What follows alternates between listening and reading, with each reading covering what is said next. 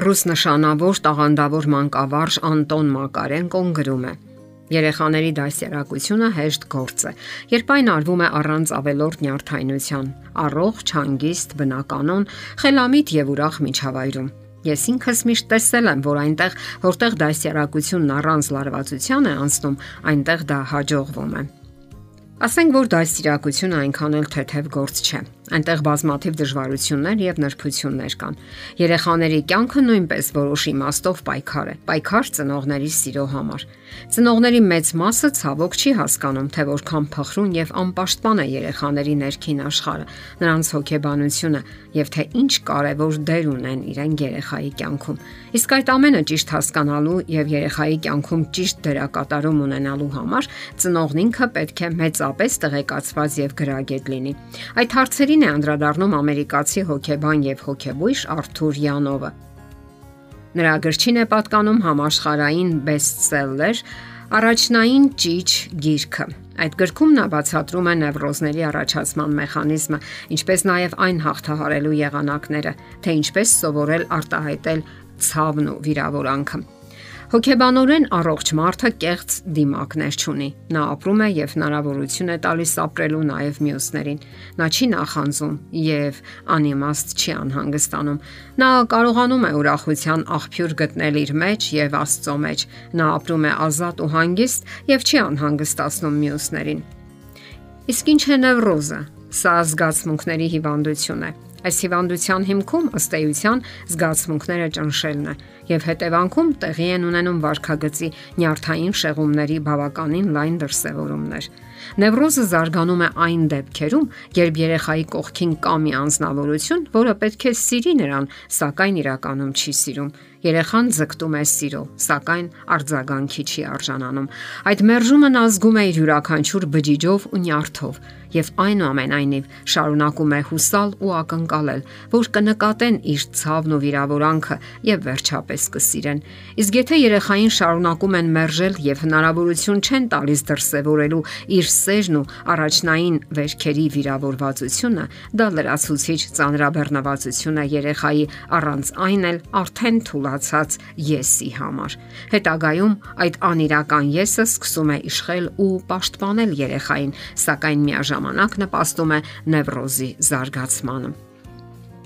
Այդ պահերին շատ կարևոր է, որ երեխայի կողքին գտնվի մեկը, ով կսատարի նրան եւ հնարավորություն կտա կիսվելու իր ցավով ու վիրավորվածությամբ, ով կօգնի նրան հասկանալու, թե ինչ է զգում ինքը։ Եվ եթե գտնվում է այդպիսի մեկը, ապա մեծ է հավանականությունն այն բանի, որ երեխայի գիտակցությունը չի խաթարվի եւ ճեղքեր չի տա եւ նա չի դառնա աղավաղված անznավորություն։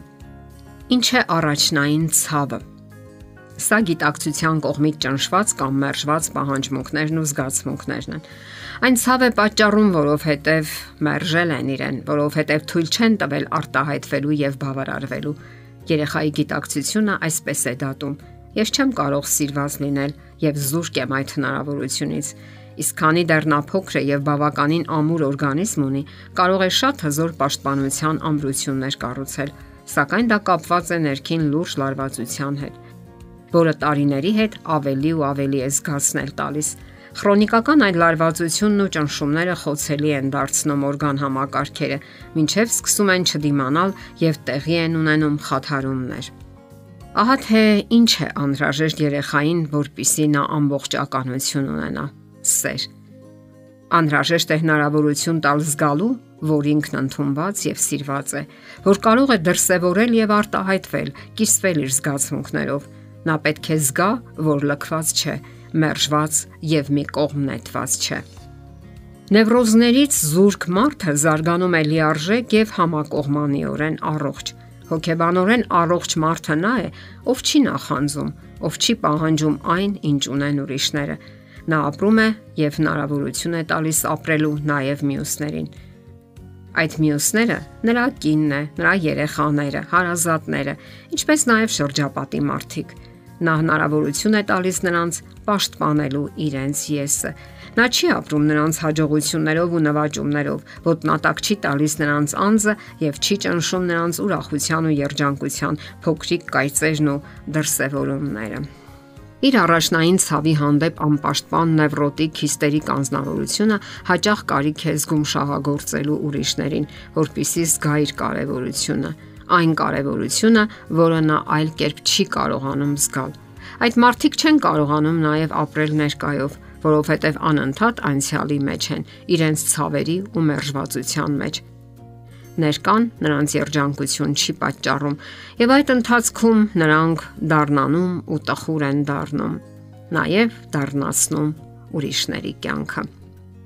Զգացմունքների բացակայությունը քայքայում է երեխայի հոգեբանությունը եւ ի վերջո նաեւ առողջությունը հարկավոր է հնարավորություն տալ երեխաներին ունենալու առողջ հույզեր, առողջ հարաբերություններ ծնողների հետ։ Այլապես երեխայի պատկերացումներն իր մասին սկսում են խեղվել Երբ երեխան ունենում է առողջ հույզեր ինքն իր վերաբերյալ, նա զգում է այդ նույնը նաև ուրիշների հանդեպ, պատկերացնում է նրանց հոգևոր աշխարհը, կարողանում է նրբորեն անցնել ու կարեկցել։ Երեխային սիրել նշանակում է հնարավորություն տալ նրան զգալու իր կարևորությունը, ընդունված ու սիրված լինելը։ Փորձեք